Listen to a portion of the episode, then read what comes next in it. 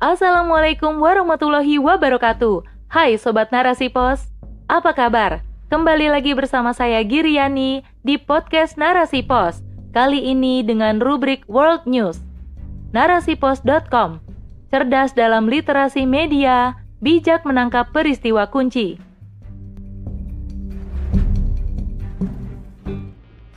Kuatnya terkaman macan Asia Timur lumpuhkan sayap Garuda oleh Nur Jamilah, SPDI.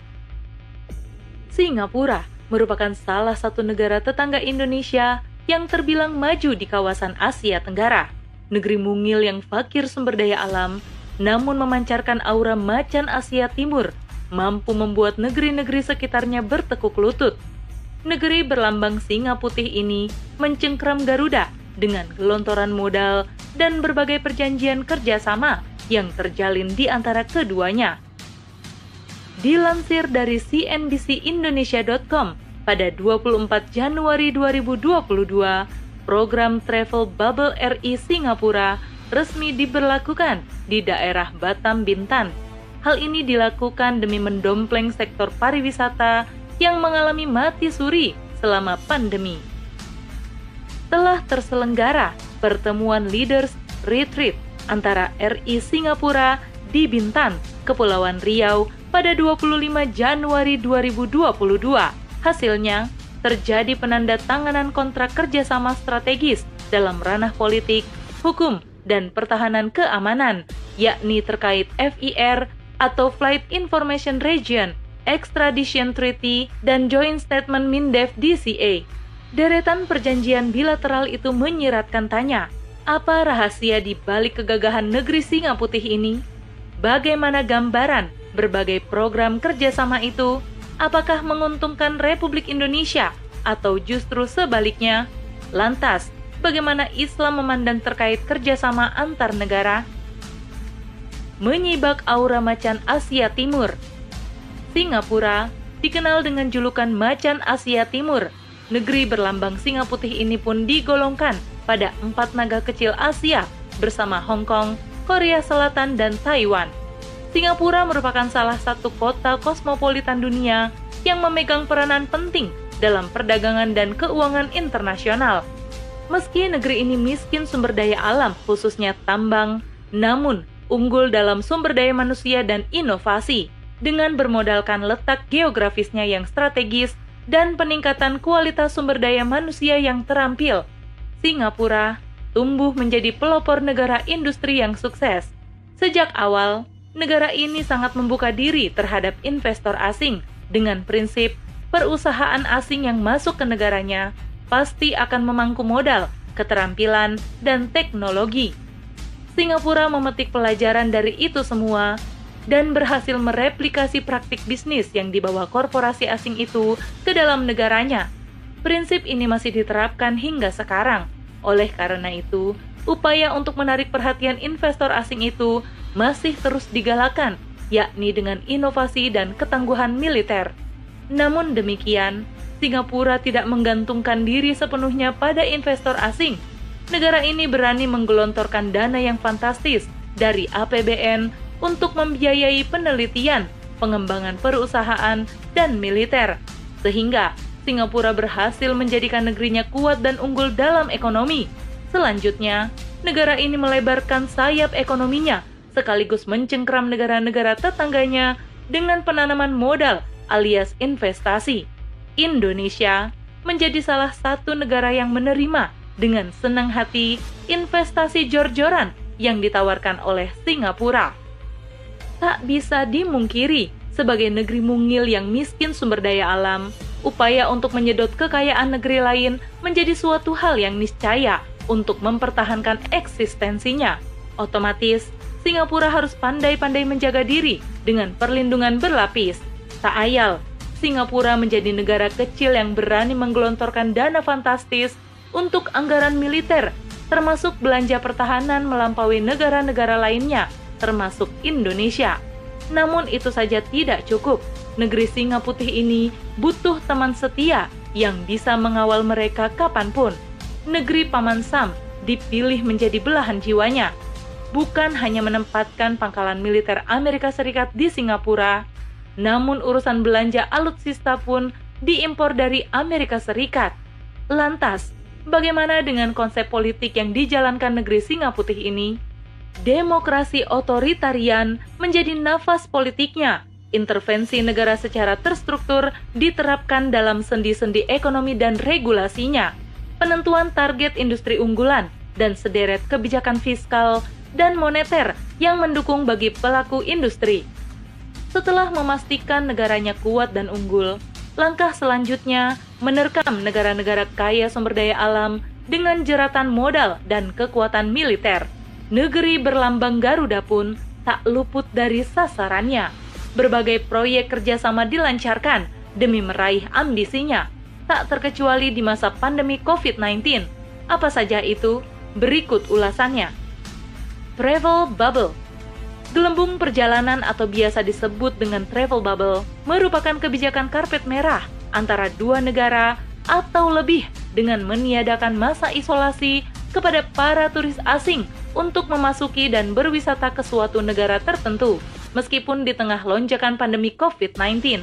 Ini berarti warga negara Singapura bebas keluar masuk ke wilayah Indonesia tanpa harus menjalani karantina sebagaimana aturan yang berlaku. Penyelenggaraan travel bubble legal dengan mengikuti rangkaian protokol kesehatan berdasarkan payung hukum yang diterbitkan melalui Surat Edaran Kepala Gugus Tugas Penanganan COVID-19 Nomor 3 Tahun 2022.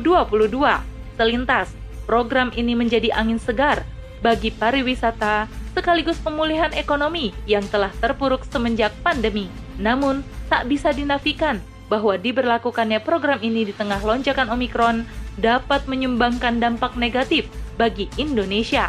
Pelancong mancanegara sangat berpotensi menjadi carrier dari virus corona dengan varian apa pun. Terlebih, tak ada syarat karantina dua minggu bagi para pelancong. Bahkan, kerumunan dan mobilitas tinggi menjadi pemicu kuat bagi munculnya gelombang ketiga COVID-19 di Indonesia. Mekanisme FIR Pelayanan ruang udara atau Flight Information Region atau FIR merupakan suatu wilayah dengan dimensi tertentu diberikan pelayanan informasi penerbangan atau Flight Information Service dan pelayanan kesiagaan atau Alerting Service. Definisi ini merujuk pada Peraturan Menteri Perhubungan atau Menhub nomor 55 tahun 2016 tentang tatanan navigasi penerbangan internasional. Sejak tahun 1946, FIRRI di wilayah barat, Kepulauan Riau, Tanjung Pinang, dan Natuna dikelola oleh Singapura. Konsekuensinya, seluruh pesawat, termasuk milik Indonesia, yang hendak melintas di atas wilayah sekitar 100 mil laut atau 1.825 km itu harus melapor ke otoritas Singapura. Namun, sejak Selasa 25 Januari 2022, Indonesia mengambil alih FIR ini dari Singapura. Melalui pengambil alihan FIR ini, wilayah udara Kepulauan Riau dan Natuna yang sebelumnya tergabung dalam FIR Singapura kini menjadi FIR Jakarta. Meskipun pemerintah mengklaim telah berhasil mengambil alih FIR Kepri Natuna, faktanya Singapura masih tetap memegang kendali terhadap pengelolaan ruang udara di sebagian wilayah tersebut. Pemerintah menjelaskan bahwa delegasi pelayanan penerbangan dengan ketinggian 0 hingga 37.000 kaki memang masih diberikan kepada otoritas Singapura. Adapun penerbangan 37.000 kaki ke atas baru dikelola oleh Indonesia. Masalahnya, lalu lintas penerbangan sipil biasanya memang ada di kisaran 0 hingga 37.000 kaki. Jarang sekali yang lebih dari itu. Ini berarti Singapura tetap diuntungkan dengan adanya kesepakatan ini. Lantas, Indonesia dapat apa? Perjanjian ekstradisi Singapura Indonesia resmi menandatangani sebuah perjanjian ekstradisi pada Selasa 25 Januari 2022 di Bintan, Kepulauan Riau. Perjanjian ini memiliki masa retroaktif atau berlaku surut terhitung tanggal diundangkannya selama 18 tahun ke belakang. Hal tersebut merujuk pada pasal 78 Kitab Undang-Undang Hukum Pidana terkait batas maksimal kadaluarsa. Secara sederhana, ekstradisi adalah permintaan suatu negara atas pelaku kejahatan ketika si pelaku berada di negara lain sehingga bisa menjalani proses hukum dari negara yang meminta. Adapun jenis tindak pidana yang pelakunya dapat diekstradisi di antaranya tindak pidana korupsi, money laundry, rasuah, perbankan, narkoba, terorisme, dan pendanaan kegiatan terkait terorisme.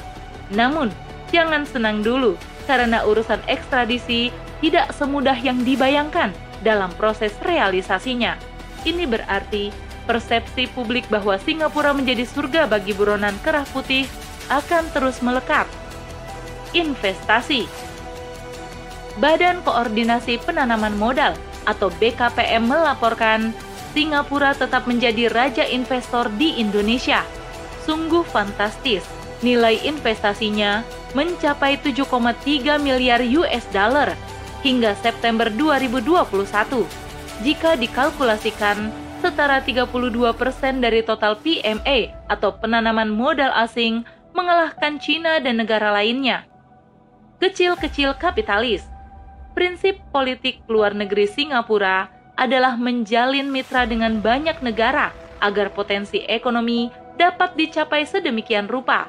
Selain itu, juga untuk menopang faktor produksi yang tidak dimilikinya. Lee Kuan Yew yang dinobatkan sebagai Bapak Singapura memang membangun negara ini dengan sangat pragmatis dan penuh pertimbangan untung rugi, bahkan menganggap Islam sebagai sebuah ancaman. Namun, menyadari bahwa posisinya cukup rentan sebagai negara kecil yang diapit oleh negara mayoritas muslim terbesar, yakni Indonesia dan Malaysia, maka kerentanan faktor geopolitik dan persoalan ideologis, yakni Islam, tak bisa dianggap remeh. Hal itu mendorong para pemimpin Singapura menjadikan Islam sebagai variabel penentu dalam proses pengambilan kebijakan politik di negaranya. Terlebih, geliat kebangkitan Islam sudah semakin masif menggejala pada negeri-negeri Muslim, termasuk di Asia Tenggara. Merespon hal tersebut, Singapura mengambil kebijakan akomodatif yang dimanifestasikan dalam kebijakan Islam friendly. Beranjak dari sini, dapat kita simpulkan bahwa Singapura termasuk salah satu negara pengemban ideologi kapitalisme. Jiwa kapitalis merasuki negeri Singa Putih dan mengubahnya menjadi negara imperialis atau penjajah dan Indonesia menjadi salah satu negara yang dijajah. Pola relasi antara keduanya berkedok liberalisasi investasi dan perdagangan bebas yang diselimuti semangat globalisasi dan dikendalikan jaringan sistem teknologi informasi aturan kerjasama antar negara dalam Islam. Islam merupakan sebuah ideologi yang memiliki perangkat aturan yang paripurna, bukan hanya urusan dalam negeri yang diatur, namun hubungan luar negeri pun diurusi. Pada dasarnya, Islam mengklasifikasikan dunia atas dua kategori, yakni Darul Islam dan Darul Kufur. Ada perbedaan mendasar di antara keduanya. Darul Islam adalah suatu negara yang menerapkan perangkat aturan dan sistem keamanan Islam. Nama lain dari Darul Islam adalah Khilafah. Sedangkan Darul Kufur adalah suatu negara yang menerapkan perangkat aturan dan sistem keamanan yang bukan berasal dari Islam, meskipun mayoritas penduduknya Muslim. Pengklasifikasian ini sejatinya menjelaskan sikap Darul Kufur terhadap negeri-negeri Muslim. Siapa saja yang menampakkan permusuhan secara nyata maka negara ini terkategori kafir harbi fi'lan, misalnya Amerika Serikat, Israel, Inggris, Cina, Rusia, dan lainnya. Sementara itu, kafir harbi hukman merupakan negara yang potensial memusuhi Islam, namun masih disembunyikan, bergantung kepentingan negara tersebut. Politik luar negeri Darul Islam adalah menjadikan akidah Islam menjadi dasar dari ideologi negara – Tujuannya untuk menyebarluaskan risalah Islam ke seluruh penjuru dunia. Islam sangat berhati-hati dalam menjalankan hubungan dengan negara lain, terlebih pada Darul Kufur, sebab haram menyerahkan negeri Muslim untuk dikuasai dan dijadikan sapi perahan oleh Darul Kufur, sebagaimana firman Allah Subhanahu wa Ta'ala.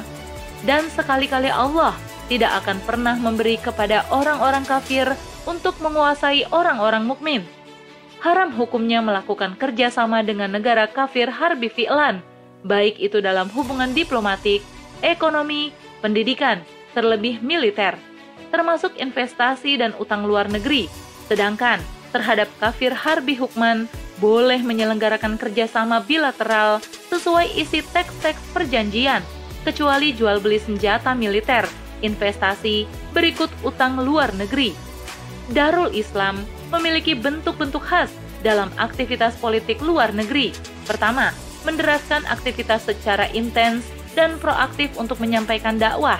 Kedua, melakukan aktivitas politik dan diplomasi membebaskan negeri-negeri Muslim dari belenggu penjajahan ekonomi dengan cara menerapkan politik ekonomi Islam. Ketiga, melancarkan jihad bagi negara mana pun yang menampakkan permusuhannya kepada Islam dan kaum Muslim, sekaligus membebaskan negeri-negeri Muslim dari penghambaan kepada manusia menjadi penghambaan kepada Allah Subhanahu wa Ta'ala. Tindak tanduk Darul Islam atau khilafah ini akan mampu melepaskan negeri-negeri Muslim dari jeratan kapitalisme dan cengkeraman imperialisme Barat. Sayangnya, ketiadaan khilafah menjadikan kita sulit mengidentifikasi secara pasti negara mana yang termasuk kafir harbi fi'lan dan hukman. Tanpa khilafah, kaum muslim terombang-ambing dalam kemiskinan dan ketidakberdayaan, terperosok pada jurang kenistaan tanpa adanya junah atau perisai. Ini saatnya bagi kita memperjuangkan tegaknya khilafah dan tampil sebagai pemimpin di pentas dunia. Khotimah, Singapura, walaupun bukan termasuk negara kafir harbi fi'lan, namun bisa jadi terkategori negara kafir harbi hukman, sebab berpotensi untuk memusuhi Islam dan melakukan penyerangan, juga perampokan pada sumber daya alam negeri muslim lewat jeratan investasi dan utang. Oleh karena itu, posisinya harus tetap diwaspadai. Sementara Indonesia dengan mayoritas penduduknya Muslim sudah selayaknya menjadikan Islam sebagai aturan dan memperjuangkan tegaknya khilafah, sehingga mampu melepaskan diri dari cengkeraman Singapura dan negara imperialisme Barat lainnya, bahkan membebaskan negeri Muslim lain dari dominasi negara kafir. Dengan begitu, semua potensi kekayaan alam yang dimiliki bisa dikelola sendiri tanpa perlu bergantung pada negara lain. Wallahu a'lam bishawab.